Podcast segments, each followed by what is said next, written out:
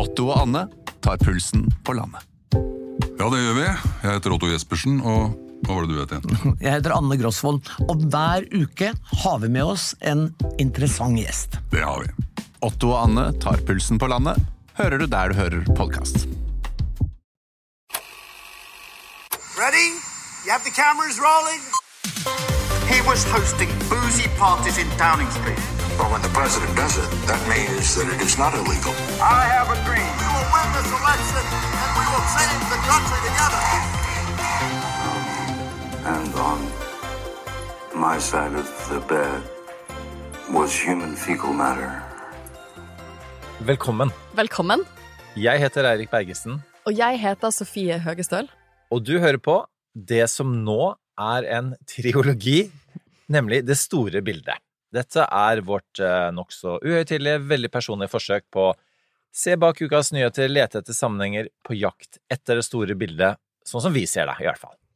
Hver eneste fredag. Hver eneste, rett og slett. Og ukas fruktfat med nyheter most sammen i en velsmakende og næringsrik eh, smoothie. Hva skal vi kalle ukas eh, smoothie? Jumba juice. Husker du sikkert veldig godt fra USA. Oh yes. What was your favorite? Razzmatazz med raspberries. Min var nok mango agogo. Med den hemmelige ingrediensen eh, ingefær, som alltid er veldig vanskelig i eh, smoothier. Enten er det akkurat det den trenger, eller så er det en unødvendig besk bismak. Um, La oss håpe ikke denne episoden kommer med en bismak. Vi, det vet vi ikke ennå.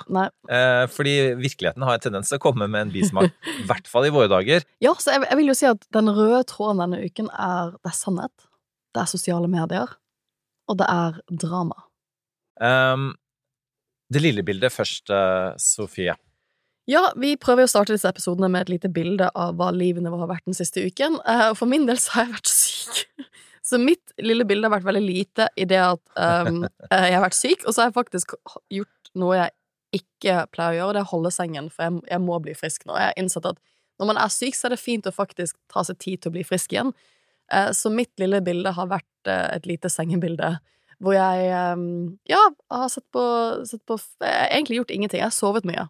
Og vi skal komme tilbake til søvn senere i episoden. Hvordan har det funket å faktisk eh, ta hensyn til sykdommen? Faktisk ta hensyn til kroppen min. Jeg føler at det går, det går sånne sykdomsbølger for meg når jeg liksom jeg har, Dette er andre runden min med antibiotika for denne bilbetennelsen, og da har jeg vært sånn shit, jeg må ta bedre vare på kroppen min. Jeg Liksom, jeg vet hva jeg gjorde sist. Jeg fikk, jeg fikk antibiotika, så jobbet jeg hele uken, og det funket dårlig. Da var jeg syk halvannen uke etter. Så det har funket. Vet du hva? Det å gi kroppen sin hvile en uke, det funker faktisk. Mm. Min eh, ukas lille bilde er etter forrige episode så en, en god venn eh, som, som sa at eh, Eirik og for så vidt Sofie, dere har så snille stemmer. at, at det uansett hvor kritiske og rantete dere dere påstår at dere er, eh, så høres det veldig snilt ut. Eh, og jeg kjenner meg litt igjen, fordi eh, resting bitchface er eh, blitt nok en sånn greie i den offentlige debatten, mens jeg har litt sånn resting happy face. De som ser meg nå, ser at jeg eh, gjennom hele introen har smilt til tross eh, verdens elendighet. Eh, Og så har jeg nok en sånn resting happy voice også, Mm. for jeg, jeg høres litt for positiv og optimistisk ut uansett hva jeg prater om. Og det ble nesten et problem i UD, for at da jeg var en av disse prestalspersonene som skulle uttale meg, og, og det hadde skjedd noe fælt i verden, for det gjorde jo det da man, når man jobber i UD. Vi er in the bad news business der borte på Victoria terrasse, og, og så kunne jeg stå og si sånne ting som ja, eh, tusener av mennesker har dødd i dette jordskjelvet Med et smil. med et smil. Og, og det positive var jo for så vidt at vi prøvde å hjelpe dem. Eh, Ja. Og vi som alltid i UD følger utviklingen løpende, har tett kontakt med partene, men ingen umiddelbare planer om konkrete tiltak. Det sitter altfor uh, løst fortsatt, det der eh, ordene der. Um, så jeg, jeg skal jobbe litt med det i dag. Eh, så Ja. vi bare vent og se eh, på ukas rant. Da skal du få høre en litt slemmere, snill stemme. nå er jeg veldig spent. Jeg føler at jeg har sånn resting nervøs fjes, det ser ofte veldig nervøs ut. Uten at jeg er engstelig eller nervøs. Eh, Og det, det, det, det plager meg. Det plager meg. Men det kan vi snakke om en annen gang. Eh, For nå skal vi gå fra det lille bildet inn til ukens skurk. Eller helt. I am not a hero. Well, I'm not a crook. For det som er litt gøy med dette, eh, Sofie, eller egentlig litt skremmende kanskje, om du vil, er jo at ukas skurk og ukas helt er den samme personen. Ja. Denne Og- uken er det det. Og det Man trenger kanskje ikke å lure. Det er Elon Musk. Ja. Og for da Elon Musk, han har da denne uken kjøpt, iallfall prøvd å kjøpe, dette skal jo godkjennes dette kjøpet. Igangsett et kjøp som det allerede går rykter av at han har lyst til å trekke seg fra, Og det kjøpet er av Twitter. Og da er spørsmålet er det en god idé at samfunnets ytringsfrihet legges i hendene til en tynnhudet megloman mangemilliardær? Ja. Eh, for det at det som gjør han til både en skurk og en helt, er jo at på den ene siden så sier han at han har lyst til å kjøpe Twitter for å redde ytringsfriheten. Rett og slett. Intet mindre. Eh, på den andre siden så er det jo mange som føler at det er ikke det som kommer til å skje hvis han nå faktisk kommer til å kjøpe Twitter. Det blir ikke, han kommer ikke til å redde ytringsfriheten. Han kommer til å reversere en del av de tiltakene som noen da mener er positive tiltak på Twitter, eh, som vil gjøre Twitter til en, et vanskeligere sted med flere troll og mer, eh, altså mer hets og, og så videre. Folk er veldig delt eh, på Elon Musk, eh, og vi kan jo begynne med å si noe av de positive tingene han eh, til og med har brukt eh, Twitter til, for han er veldig aktiv der. Eh, Da ukrainske myndigheter gikk ut og spurte han om Hei, du vil kolonisere Mars. Du vil ikke ta sende noen sånn Starlink-stasjoner ned til oss, da, så vi kan fortelle verden sannheten om hva som skjer under den russiske invasjonen av landet vårt. Og han sporenstreks skrev at eh, Starlink-stasjoner er på vei, flere kommer. Eh, Så har han eh, denne uka blitt spurt om hva er det mm, han kommer til å gjøre med Twitter. Han skrev at han lovte awesome fun. Awesome fun. Det høres jo gøy ut. I'm into it. Og en av måtene å, å, å få awesome fun på er jo for eksempel, som han også skriver, han vil neste gang kjøpe cola, Coca-Cola, og putte kokain tilbake i colaen. Og det han viser eh, til der, er jo at eh, han har jo brukt alle disse milliardene med dollar, eh, mener noen, bare for å legge til en redigeringsknapp. Det er veldig mye penger for å erstatte manglende impulskontroll, Sofie. Ja, men liksom, det er jo fascinerende å se tweetene hans hele denne uken, for jeg følger han ikke på Twitter, men jeg har liksom Jeg har liksom prøvd å følge han denne uken her, da. Og liksom, det, det er alt fra sånn Let's make Twitter maximum fun! Ok. Eh, til typ sånn en sånn tegning hvor han da tegner Hvor han da eh, har lagt ved en tegning på tweeten sin hvor han egentlig da antyder at når han begynte liksom i sånn 2008, så var ytringsklimaet dit hen at han var liksom sånn Han var liksom nærme sentrum av politikken, men på venstresiden. Og så kommer disse woke-folkene, og venstresiden springer så langt til venstresiden at han blir dratt inn i høyresiden fordi at sentrum har flyttet seg mot woke-folkene. Så innen 2021 så er det da en mann eh, som står helt til venstre av denne tegningen, og, som, og sånn woke og progressive over, eh, og, og som, som kaller han en bigot. Eh, og et poeng hans er liksom at, at woke-brigaden har bare ødelagt Twitter og, og, og ytringsklima og så. Og det er hans nye kampsak, da. Ergo hvorfor dette er kontroversielt, for nå går vi liksom rett inn i sånn betente egentlig samfunnsdebatter i USA, men også i Norge. Ja, for La oss si at han, at han har eh, litt rett, da, eh, Sofie. Og så kan man si hva man vil om, om eh, høyresiden, for så vidt. eh, eh, og det som har skjedd spesielt eh, Ja, i, jeg- eh, jeg i synes, USA på høyresiden. Jeg syns det er litt sånn spesielt å ha en sånn tegning hvor høyresiden ikke har flyttet seg lenger mot høyre, for det har unektelig skjedd. I denne tegningen her så, så står Høyre bare på et bom samme sted i, fra 2008 til eh, 2021. Og det er nok ikke sant i USA. Eller at han strekmann på høyresiden ikke har på en måte forlatt streken for å klatre opp på Kongressen og prøve å stoppe et valg Ja. og henge visepresidenten. Mm. eh, Og eventuelt klatre tilbake på den streken sin. Men nei, masse spørsmål er jo eh, Han er jo en libertarianer, altså, og som på mange måter ja, Skal vi enkelt oppsummere det? altså, Har, vil at alle skal kunne si akkurat hva de vil. Um, men hvor enkelt er det egentlig? Eh, Sofie, du har annet sittet i, i den akademiske ytringsfrihetskommisjonen som nylig kom med sin rapport. Hvor enkelt er det å faktisk eh, la alle få lov til å si akkurat hva de vil?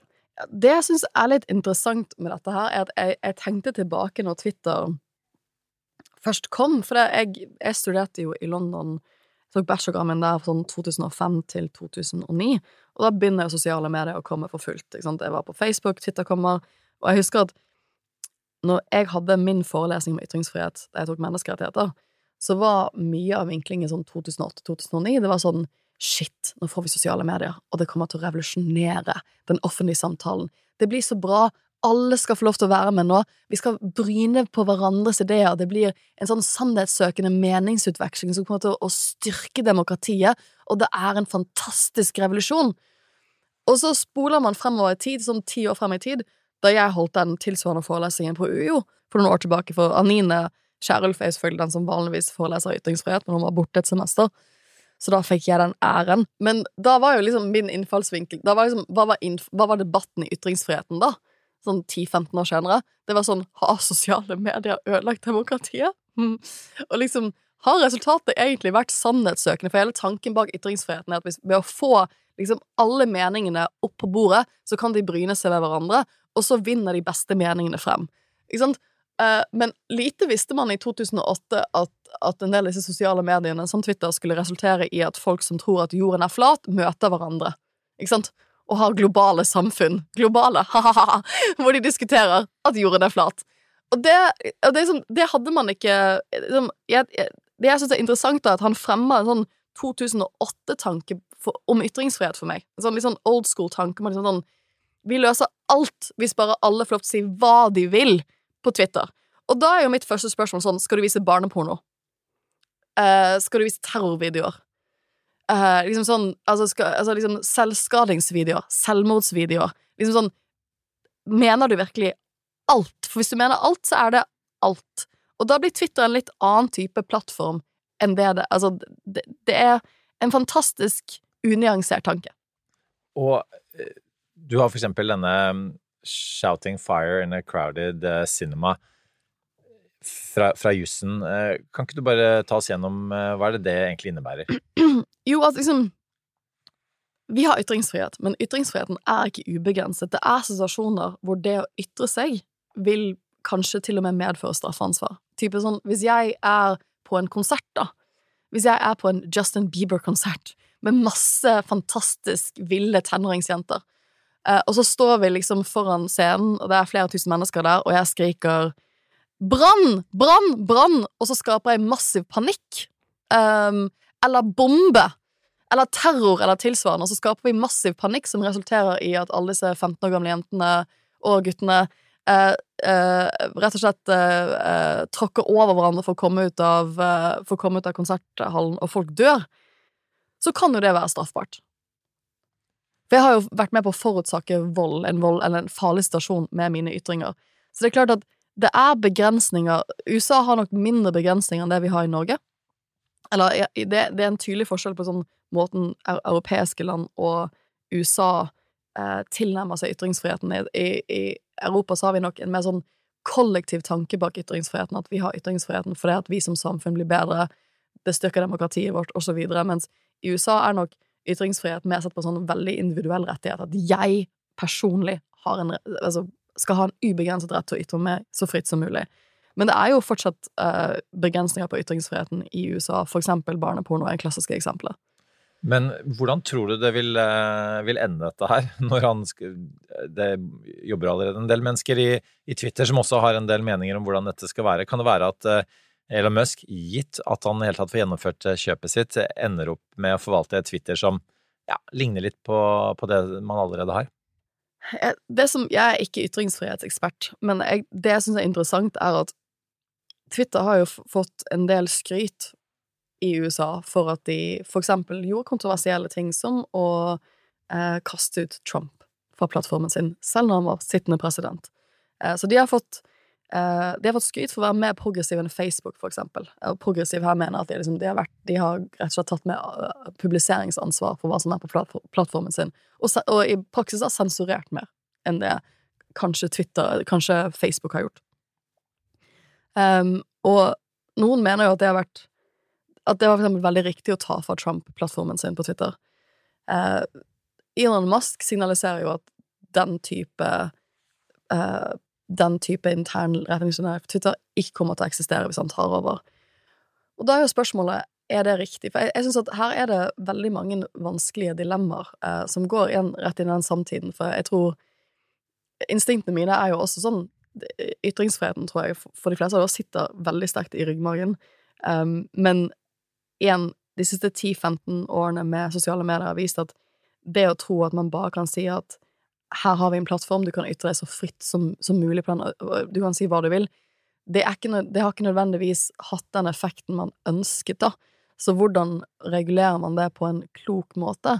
Det er det ingen som har svaret på ennå, men jeg, føler at, jeg føler at sånn Jeg syns det er interessant at Elon Musk tenker at dette her skal jeg liksom løse, dette, dette store, egentlig store samfunnsspørsmålet, for det, det går jo inn i veldig mye. Det går inn i fake news.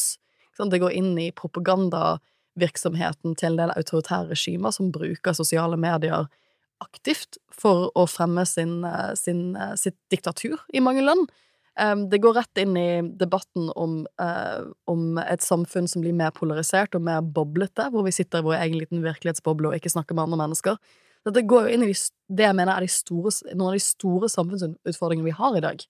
Um, og om han er riktig person til å liksom komme inn med sine tanker om dette, det vet jeg ikke. Jeg, si jeg er litt sånn personlig lei av mange milliardærmenn som har han, han, jo, han, er jo sånn fantastisk oppfinner av ting, men som tror at fordi at de De er veldig flinke til å finne opp Tesla, så betyr det at de kan også fikse ytringsfriheten. Jeg er litt usikker på det, men hva tenker du, Eirik?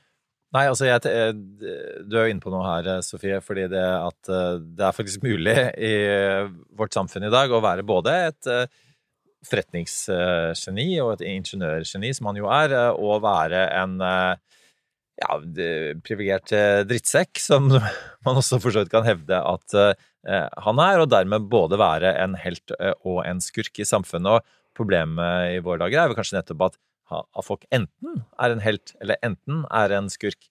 Så det å både være skurk og helt, både være en egoist eh, og en redningsmann. Eh, og, Twitter også, så det er jo åpenbart både en helt eh, og en skurk i vårt samfunn. Så la oss se hvordan, hvordan dette går. Problemet er nok at når den ene personen sier at 'jeg vet svaret, jeg skal redde dere', menneskeheten, bare vent. Jeg tenkte jeg kunne avslutte her med å vise til den rettssaken med Solar City som Musk var i. Han skulle også der love å lage hus som var lagd mer eller mindre av solcellepaneler, havnet i en rettssak fordi at eh, forventningene var litt større enn resultatene, og ble spurt om ikke han var som Ikaros, som da fikk eh, lagd sånne vinger av voks og fløy litt for nært solen. Eh, de smeltet, og han døde. Og så svarer han at nei, han er mer litt sånn som Dadalus og Dadalus var da faren til Ikaros, som lagde disse vingene til Ikaros for at han skulle rømme ut av fangenskap. Og Dadalus døde jo ikke. Så sånn sett så vant han. Men sønnen hans døde jo. så hvis Musk ender opp med å drepe Twitter, eller ytringsfriheten, så er jo heller ikke det bra. Nei, men det, det, det, Vi kunne snakket lenge om dette, for dette, dette, mener jeg virkelig er en av de store sånn, samfunnsdilemmaene i vår tid. da. Hvordan eh, hvordan, hvordan, justerer vi oss til denne sosiale medier-realiteten, eh, og hvordan det, hvordan det, påvirker samfunnsstrukturen vår, ytringsfriheten eh, osv. Det, det, er, det er rett og slett det store. Hvis noen kan komme opp med en, en, en god plan på det, så føler jeg at det er sånn fredsprisverdig, nesten. Da, ja. Mm. Uansett så er jo uh, denne Elon Musk-saken, om vi skal kalle det den, en viktig påminnelse på at uh, forvaltningen av ytringsfriheten, det er det eh, store multinasjonale selskaper som står bak i våre dager. Eh, og den debatten, den eh, er ikke ferdig, og den er ikke engang ordentlig i gang. Så den debatten må uansett opp, og det handler ikke bare om Elon Musk, kanskje både dessverre og heldigvis. Nå skal vi over på ukas rant. And I will strike down upon thee with great vengeance and jeg hadde tenkt å si noe om, om EU, og så ble det noe om sikkerhetspolitikk, og da vi på telefonen eh, endte opp med å prate om nordisk forsvarsallianse, da slapp følelsene løs. Fordi nordisk forsvarsallianse, det var det eh, svaret som SV trakk opp av sekken, eller hatten, skal vi si det sånn, eh, som, som et eh, svar på både for så vidt krig og elendighet i verden, og også på eh, problemene som SV har innen sikkerhetspolitikken. Tidligere så sa de at de ikke skulle ut av Nato helt enda. Med andre ord, eh, Nato, altså forsvarsallianser, er en fin ting når det er krig, og så får vi heller se når det blir fred, eh, om ikke vi skal gå ut. Det er ikke helt sånn eh, disse tingene funker. Så er spørsmålet også om nordisk forsvarsallianse er en, eh, et godt svar på det hele. Fordi det å starte en forsvarsallianse, det er faktisk veldig, veldig, veldig vanskelig, Sofia.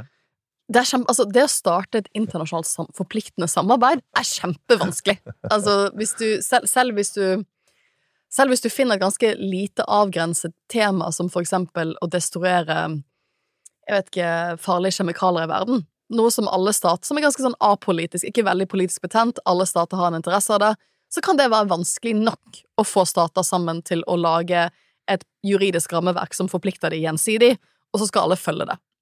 Skal ha et hovedkvarter, og så skal du ha en- logo. Du skal ha en logo, du skal ha hovedkvarter, du skal ha en ledelse, du skal Altså, jeg Det tok litt tid å utvikle Nato og FN og EU, Det tar og for masse så vidt også EFTA. Ja, det tar masse tid. Det tar masse tid, og så utvikler de seg over tid. Det er jo ofte det som skjer, at man begynner med et litt mindre samarbeid, og så blir det samarbeidet mer utbredt, eh, større, eh, omfavner flere ting enn det det gjorde opprinnelig. Sånn som EU. Ikke sant? EU var jo noe helt annet. Når det, det var noe mye smalere. Det, altså I sånn internasjonale relasjoner og teori så kaller man det for funks, funks, functionality, like functionalism. Tanken er at man finner en sånn felles en funksjon da, som alle er enige om at ah, det hadde vært litt fint om vi samarbeidet om denne tingen her, og så begynner man det samarbeidet, og så blir det samarbeidet, så vokser det ganske organisk til å bli noe større. Eh, men jeg, da jeg var praktikant i UD, så jobbet jeg ved den norske ambassaden i Haag, og for det meste jobbet jeg med sånn internasjonal strafferett da, men da fikk jeg også muligheten til å møte i OPCW, som er denne internasjonale organisasjonen som uh, står for nedrustning av kjemiske våp våpen. Og den, den vant uh, Nobels fredspris en del år senere, og den er liksom kjent for å være en av de mest effektive internasjonale organisasjonene vi har. Og jeg husker jeg tenkte på det ofte jeg satt på møter der, var sånn, er dette virkelig en av de mest effektive internasjonale organisasjonene vi har? Eh, og de, de har et fellesmål om å nedruste kjemiske våpen, som jeg tror de aller fleste stater sånn, det er viktig, det er vi enige om, vi har ikke lyst til å liksom gasse folk i hjel lenger, det, det har vi gjort før, og det er veldig, veldig, veldig stygt, rett og slett, å gjøre det. Eh, men selv, liksom, selv det kan være vanskelig. Liksom, du må, som du sier, ha et hovedkvarter, eh, du må ha masse diplomater som, som bekler poster, og du må bli enig om hvem som skal ha, være leder for organisasjonen. Det er jo også veldig politisk. Sånn. De hadde lederkamp da jeg var der, og da var det sånn Nei, det kan ikke være en amerikaner, for liksom, amerikanere får ikke lov til å lede sånne ting, for de har så mye makt allerede. Men du må jo finne en kandidat som er støttet av USA og Iran, som også satt i OPCW. Det er masse sånn politisk Og det, og det er en, på en ganske sånn en avgrenset, sånn tydelig formål. Det, de, de driver med én ting, og det er nedrustning av kjemiske våpen. Ehm, hvis du da går inn i sånn forsvarsallianse, som er selvfølgelig mye mer politisk betent tema, så er det bare et annet nivå med vanskelighet. Og jeg tror problemet for de som har vært Nato-skeptikere, eller veldig imot Nato, uh, har vært at tidligere kunne man si at men se på Sverige. De står utenfor Nato, det går fint, ikke sant? vi trenger heller ikke å stå innenfor Nato-samarbeidet. Men nå vil jo Finland og Sverige inn i Nato, og da er jo litt min, min reaksjon på det at dessverre at da blir jo Nato per definisjon den egentlig nordiske forsvarsalliansen, hvis det skjer.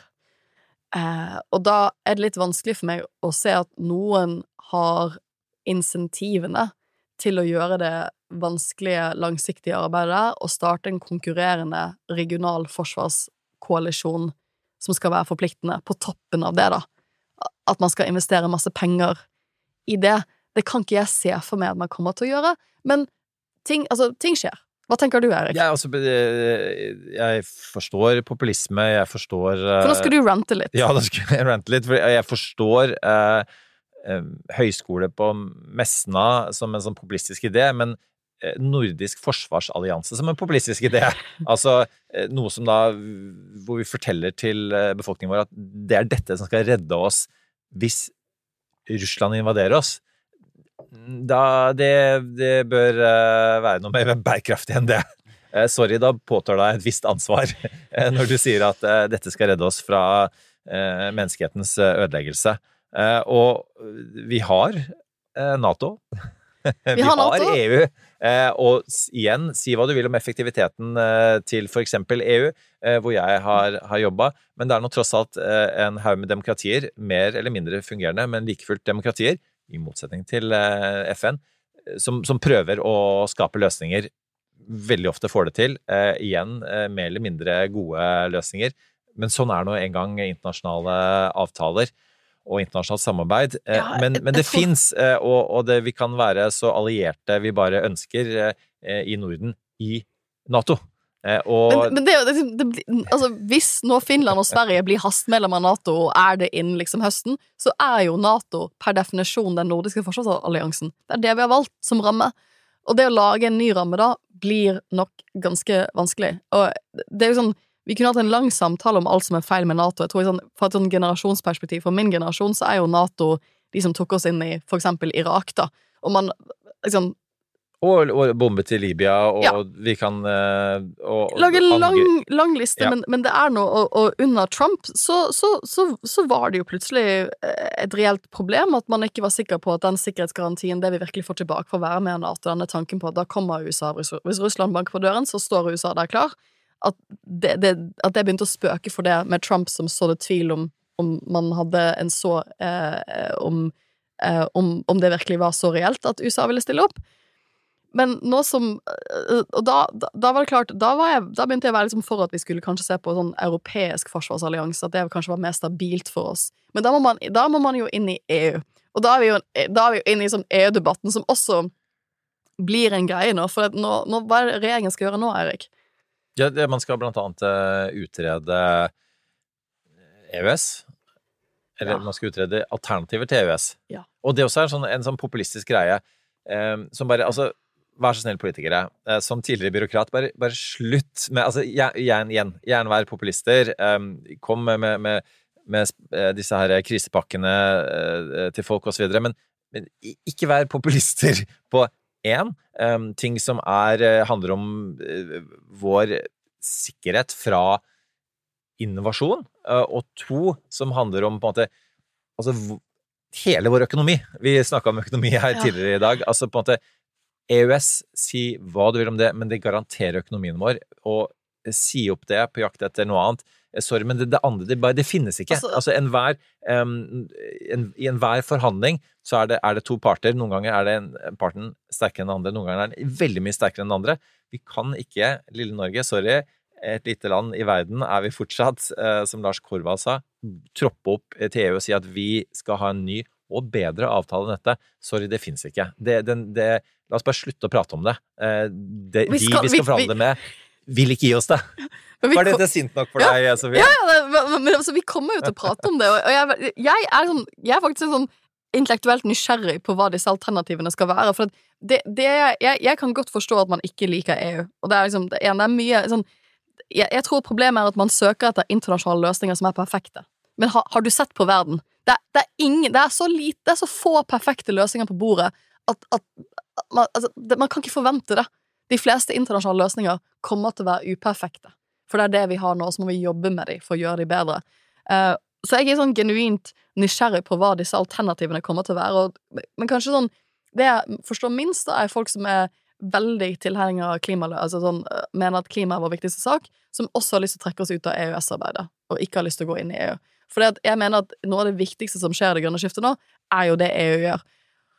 Og når jeg da hører folk som har lyst til å trekke oss ut av liksom EØS-avtalen, men fortsatt mener vi kan få til store ting på klima internasjonalt ved, andre, igjen, ved å lage andre internasjonale forumer, så tenker jeg sånn Vi har 10-20 år å gjøre, det, å gjøre dette på, Å få til det grønne skiftet. Altså virkelig få i gang det grønne skiftet.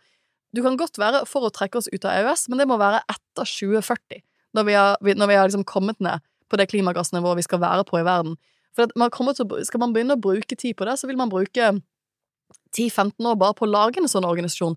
Og det Problemet for oss er at er ingen av EU-landene, eller de fleste EU-land, er jo ikke interessert i å se på andre løsninger. Vi er liksom i utakt med det de andre på kontinentet vil. Um, så ja, nei, jeg, jeg, jeg Ja, nei. Men det, men det er jo interessant at et halvt år inn i denne stortingsperioden så er jo plutselig utenrikspolitikk og disse store utenrikspolitiske spørsmålene gått for å være noe du og jeg, sånn som du og jeg nerder om, til å plutselig bli viktige lokal, altså nasjonalpolitiske saker. For det vi liksom vi, På grunn av det som skjer i Ukraina, så må vi og en del andre land revurdere hvordan vi jobber internasjonalt. Ja, og, det at vi er så opptatt av utenrikspolitikk er kjempebra. Og det tror jeg faktisk ligger i noe av den her veldige veldig USA-interessen som, eh, som vi fikk her i, i landet vårt eh, under Trump, nemlig at vi så at oi, vi kan ikke engang ta for gitt vårt forhold til USA. Den som leder USA, og dermed for så vidt også leder verden, det er litt viktig hvem den personen er. Sånn at jeg tror mye selvfølgelig altfor mye personfokus på, på Trump, men, men, jeg tror det lå noe reelt eh, av internasjonal interesse bak der. Men jeg tenker vi bare avslutte den her da, med, med også bare um, fortelle litt om hvorfor jeg er litt opprørt. Fordi jeg, var var klart å snike meg inn på Agenda, hadde en eh, debatt tidligere i uka på sentrum-venstre sin forsvarspolitikk, og der satt Moxnes, Kaski, Arnstad, Aukrust fra Arbeiderpartiet. Og sorry, altså, men, men det er Jeg skjønner at SV prøver å finne en ny eh, sikkerhetspolitisk eh, forankring, eh, men, men, hele sentrum venstre sliter veldig der om dagen, altså. Jeg, jeg skal ikke bruke for mye tid på det, men jeg har bare sitter jeg med telefonen med noen tekstmeldinger som jeg måtte bare sende til en til en venn. Altså, Moxnes sier at uh, argumentene våre viste seg å ikke være helt up to date. um, Kaski sier at når Putin viser seg å være en autoritær diktator Altså eh, Åsmund Aukrust sier det er mange diskusjoner vi må ha. Eh, Altså, nei, det er jo noen diskusjoner vi bare ikke trenger å ha. Eh, altså, Putin Som nordisk forsvarsallianse. Dag én, fra første uke, etablerte et KGB-regime. Det har vært gått 18 år. De har invadert Krim, eh, Georgia Altså, det, er ikke noe å lure på. Eh, vi, sorry, vi trenger eh, Nato, og vi trenger EU e også, men, men den, den diskusjonen tar vi en annen gang. Nå skal jeg bygge en bro, og det kommer jeg på plutselig nå. Det står ikke i vårt meget skissemessige. Google Docs-dokument engang. Men er det mulig å si at en nordisk forsvarsallianse versus Nato er litt som Truth Social versus Twitter? Og med det ukas Trump Watch. Quiet, quiet, quiet. You are a rude, terrible person. Fordi jeg våknet opp eh, i morges, eh, og vanligvis så Eller under Trump-perioden så våknet jeg opp og var livredd for hva Trump hadde tvitret eh, nå. Eh, og i dag våknet jeg opp med en eh, melding som du Riktignok kom fra deg, da, men mm. du hadde vært eh, og kikket på Truth Social, som Trump står bak. Jeg er ikke på Truth Social, for det, det, altså, den, den innmeldingskøen er bare helt sinnssykt lang. Og jeg har ikke vært så motivert at jeg liksom orket å gå gjennom den verifiseringsprosessen. Men jeg, det har jo vært screenshots av hans, hans, melding på Truth Social. Og hva var den meldingen, Eirik, som jeg sendte deg bilde av? Han, det er bilde av han på Mar-Lago.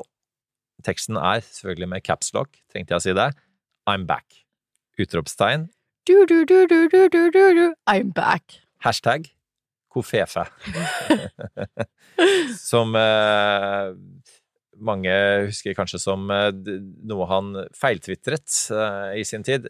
Eh, og hvis det hadde vært Elon Musks Twitter, så kunne han brukt redigeringsknappen ja. og fjernet denne feiltvitringen, og sikkert veldig mye annet. Han har visst også ymtet frem denne uken, Trump, at selv om Twitter nå skal liksom tas over av Elon Musk og skal bli liksom mer politisk nøytralt, da, for det er jo det Elon Musk sier, at det liksom skal bli mer politisk nøytralt, mindre sånn venstrevidd woke og mer politisk nøytralt, så kommer han ikke tilbake igjen eh, til Twitter. Han skal fortsette med Truth Social.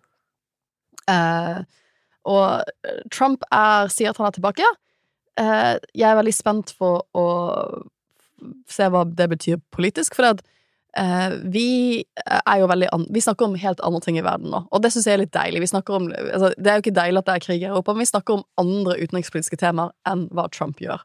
For det var en sånn spesiell periode av livene våre, Eirik, og liksom at det var liksom Livet til verden. livet til verden at breaking news, liksom de store internasjonale nyhetene eh, i VG, var liksom sånn hva Trump hadde tweetet, eh, hvem har hadde sparket i regjeringen sin, videre. Eh, men USA er jo nå et halvt år unna et mellomvalg, rett og slett. Eh, så nå begynner jo selv om, selv om vi har vårt fokus andre steder, så, og USA nok også har et fokus, stort fokus på det som skjer i Ukraina, så dras jo valgkamphjulet i gang i USA for fullt nå som vi går inn mot sommeren, for da er det for ganske mange som stiller i, til eh, kongressvalget. For hele kongressen er jo, eller hele Representantenes hus er jo på valg, for de er på valg annethvert år, som høres forferdelig ut. Å være på valg, liksom Hvis du er på valg annethvert år, så er du jo hele tiden på valg. Eh, Så alle de skal velges på nytt, og så skal en tredjedel av senatet velges på nytt også. Og de har primærvalg om sommeren. Så det begynner å bli ganske snart. Det betyr at de, må, de som skal stille til gjenvalg, må gjøre det Må, må først begynne å vinne støtte fra partiet sitt internt i det såkalte primary elections til sommeren. Så uh, he's back. Vi får se hvilken rolle han skal ha dette mellomvalget. Og en av de uh, måtene han hjemsøker uh, primærvalget på, er jo Denne uka så kom det frem at Representantenes hus, altså minoritetslederen for republikanerne, Kevin McCarthy, på noen lydbåndopptak etter kongressstormingen sier ting som at uh, han vurderer uh, å få fjerna Trump Mm. uh, som president før tiden var over, og ting som 'I've had it with that guy'. Mm. Og, og igjen, si hva du vil, Elon Musk, om venstresidens problemer, og man kan si mye om demokratenes problemer med å oppnå resultater i USA, men det står ikke helt bra til med republikanerne heller, foran dette valget, som jo i moderne tid alltid opposisjonen vinner. Eh, Ja, vi, kan- vi kan jo si at til et sånt vanligvis, så det, det vet sikkert flere av lytterne våre, vanligvis så hadde det ikke vært så unormalt at uh, opposisjonspartiet vinner eller gjør det bra i mellomvalget, uh, og tar tilbake deler av makten i uh, Kongressen. For amerikanere liker jo tydeligvis å ha et, et land hvor man har et, hvor man er styrt av to forskjellige partier, hvor liksom ene har presidenten, og så styrer den andre kanskje litt mer Kongressen. Og det gjør jo at eh, politikk er Det er vanskelig for ett parti å sette hele den politiske agendaen. De må rett og slett samarbeide, noe vi vet de gjør ganske lite av akkurat nå.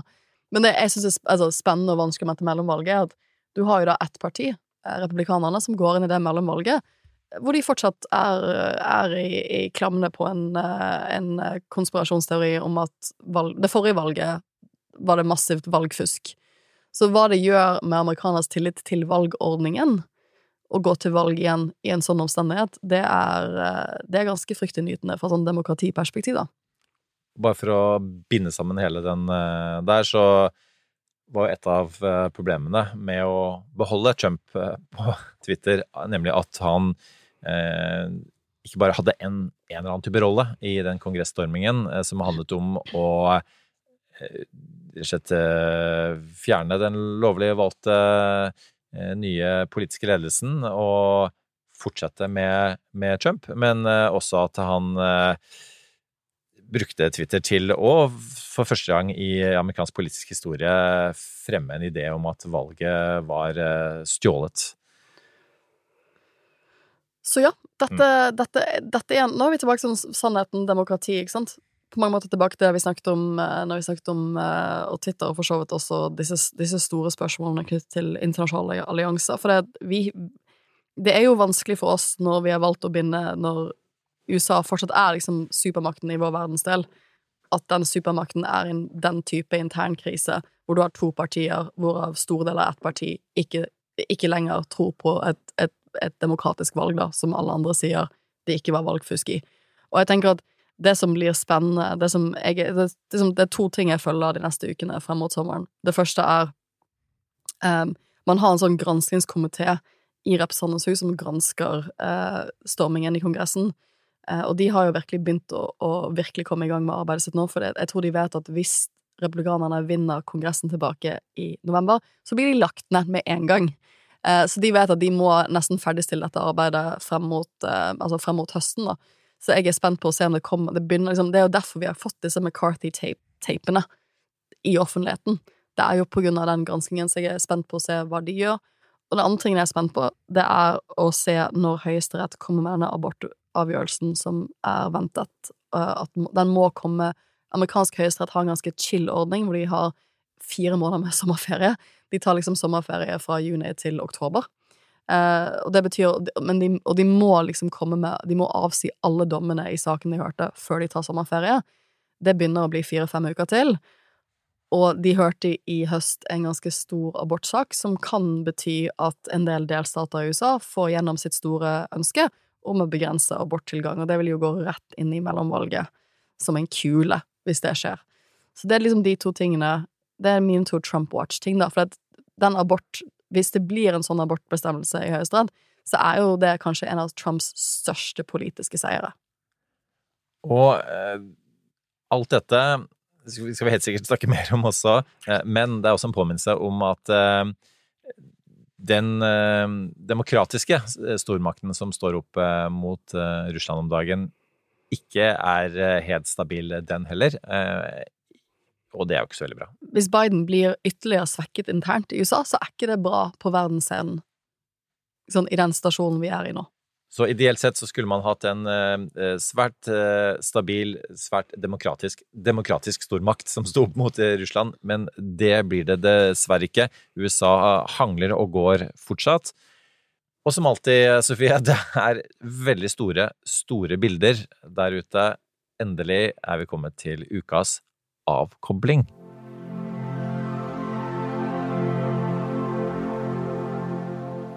Ja, for vi må jo koble oss av. Vi må jo ha noe avkobling. Vi skal hjelpe dere å Ja. roe ned helt på slutten her, fram mot helga.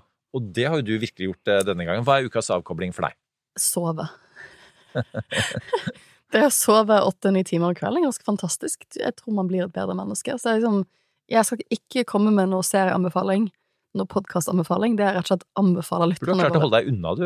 Du har rett og slett sovet i stedet. Jeg har sovet ganske mye denne uken, og det, jeg føler meg som et eh, nytt og, og bedre og roligere menneske. Så søvn Det tok deg 35 år å Ja. innse det. jeg har innsett det før, men det liksom praktisere som er litt vanskelig, da. Men eh, ja, nei, det, vi, et, vi lever i en verden hvor det kommer ut nye serier og podkaster hele tiden. Og det å bare koble av, og særlig tenk sånn, det nyhetsbildet vi har nå, det er vanskelig å holde tritt med. Altså, hvis du sitter og leser breaking news fra Ukraina hver eneste time, så kommer, det, så kommer det til å gå utover livskvaliteten din. For det er tøft, altså, det, er, det, er, det er tøft å følge med eh, nyhetsbildet slik det er nå. Og det å koble litt av av og til, og kanskje sove litt mer, det er ikke så dumt. Jeg er koblet av med to ting denne uka Ja, for du har et dilemma denne uken som, dilemma. som, sier mye om deg som person. Hva er dette dilemmaet, Nei, altså, vi har jo ingen spalt som heter Ukas dilemma, selv om egentlig alt er eh, dilemmaer. Det er jo noe av grunnen til at vi har denne Mm. podden her, er jo at vi ikke ønsker å komme med klare konklusjoner på alt mulig. Det får andre gjøre, men vi sliter med noen dilemmaer, og det er noen ting vi prøver å nyansere. Men en av dilemmaene er at jeg ble sugd inn i, det var ikke meningen, eh, Johnny Depp og Amber Heard-rettssaken, som jo er et, et eh, Altså, om ikke Trump og USA og delvis verden er et eh, togkrasj man kanskje egentlig ikke har lyst til å se engang, eh, så er dette noe man virkelig ikke har lyst til å, se, men ikke klarer helt å la være. Eh, Og det er noe med rettssaker. Du er jo jurist, som er en fascinerende mm, dramaturgisk form. Ja, ikke minst fordi denne rettssaken her blir jo rett og slett livestrømmet, så du kan se på den. Og jeg tror at for folk Altså muligheten til å se en veldig stygt og betent saker mellom to personer som pleide å være gift eh, Altså på TV. Det er sånn Days of Our Lives, bare in real life. Altså daytime eh, soap. Ja, det er daytime soap. Eh, Men eh, og, og, altså, poenget mitt er at jeg, jeg kan ikke anbefale dette. så jeg anbefaler dette ikke som avkobling. Um, fordi det er jo jeg, jeg, Det er interessante er på en måte at eh, oi, kanskje ikke helten eh, var helt, men kanskje er skurk, og motsatt. Det er jo noe av det som kanskje folk finner eh, fascinerende her. Det, det er jo to skuespillere som som er i um, vitneboksen, og Johnny Depp er åpenbart en veldig god skuespiller. uh, I hvert fall, det er det jo ingen tvil om, og mye bedre enn Amber Heard. Og ehm, Ja, Kanskje har han eh, er sannheten mer på hans eh, side også. Det er jo noe av det som fascinerer. Ja, for Han har jo da saksøkt Amber Heard for en kronikk hun skrev i The Washington Post, hvor hun sier at hun har vært offer for um, mishandling. Altså domestic violence. Um, og da hun var da gift med Johnny Depp, så alle tok jo det som en sterk antydning til at han hadde mishandlet henne. Og denne rettssaken handler jo egentlig om har det vært konemishandling, eller er det han som har vært offer for hennes mishandling? Så det er jo så skittent så skittent tøyvask kan bli. Og det er jo også et sånn viktig samfunnstema. Sånn vold i nære relasjoner er jo et stort samfunnstema.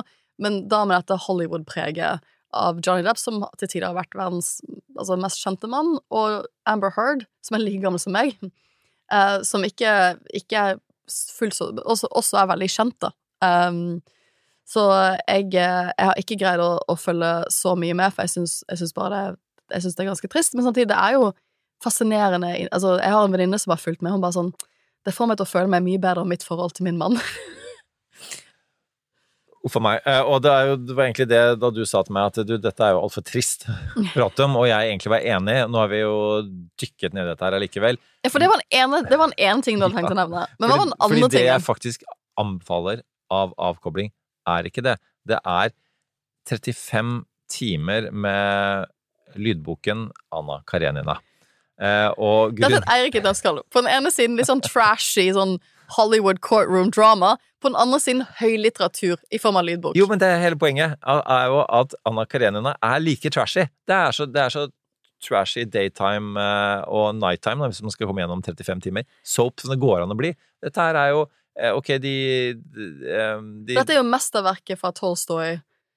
Ja, Når skrev han dette her? kjempelenge siden. Ja. og, og, og det er jo ikke og, eh, Nei, det er jo ingen som driter i senga til hverandre her, men, men altså eh, Metaforisk så er det faktisk det de gjør eh, hele tiden. Eh, og det er bare eh, et enormt kjærlighetsdrama med sjalusi og hat og død og Og krig. Og krig. Um, Og makt. eh, Tolstov, det var jo krig og fred og sånn um, eh, i, i, i alt han eh, skrev. Så, så, men altså, lest av Maggie Gyllenhaal. Nei! Helt fantastiske fantastisk fortellerstemme. Så er dette noe jeg bare virkelig ikke klarer å legge av meg. Så en, en bedre avkobling enn uh, Depp Heard-rettssaken Mm. er det. Og eh, en av grunnene til å nevne det, er eh, fordi eh, nå, jeg, nå er vi tilbake i Elon Musk-land. Kanselleringen av alt russisk, eh, som også for noen har innebært eh, å skulle i hvert fall gjøre seg til talsperson for å kansellere russisk litteratur. Kjempedårlig det, eh, fordi det å lese russiske romaner er en veldig god påminnelse på, på alt det mm, store eh, som eh, det russiske samfunnet har skapt, tross alt, eh, og at eh, de aller, aller, aller fleste russere jo ikke er med på eh, dette marerittscenarioet som eh, Putin har tvunget eh, verden gjennom. Og da, da var vi ved veis ende, Erik? Dette var det store bildet, sånn som vi ser det i hvert fall.